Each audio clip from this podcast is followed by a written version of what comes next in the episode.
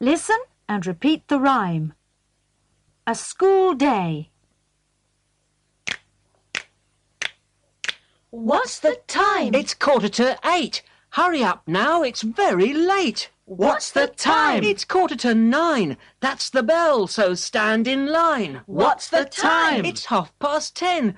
Fifteen minutes to go, and then it's the bell for break and out to play. That's my favourite time of day. What's the time? It's quarter to one. We're tired and hungry. It's not much fun. What's the time? It's half past two. We've still got lots of work to do. What's the time? It's quarter past three. Half an hour and then we're free. Time to go home now. Time for tea. At last, a bit of time for me.